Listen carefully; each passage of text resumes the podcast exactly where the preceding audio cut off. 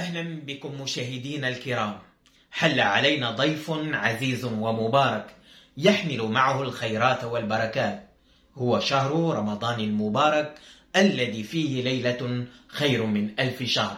فيه أنزل القرآن وتتنزل الملائكة وجبريل عليه السلام. وفيه عتقاء من النار. جعلنا الله وإياكم منهم. في هذا الشهر المبارك تعالوا نتدبر في عظمة هذا الحديث.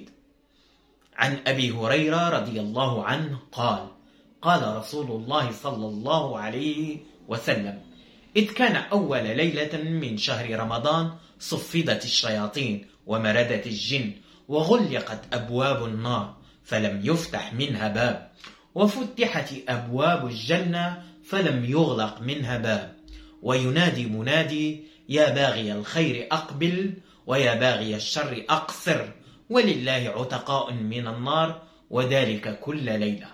رواه الترمذي وصححه الألباني.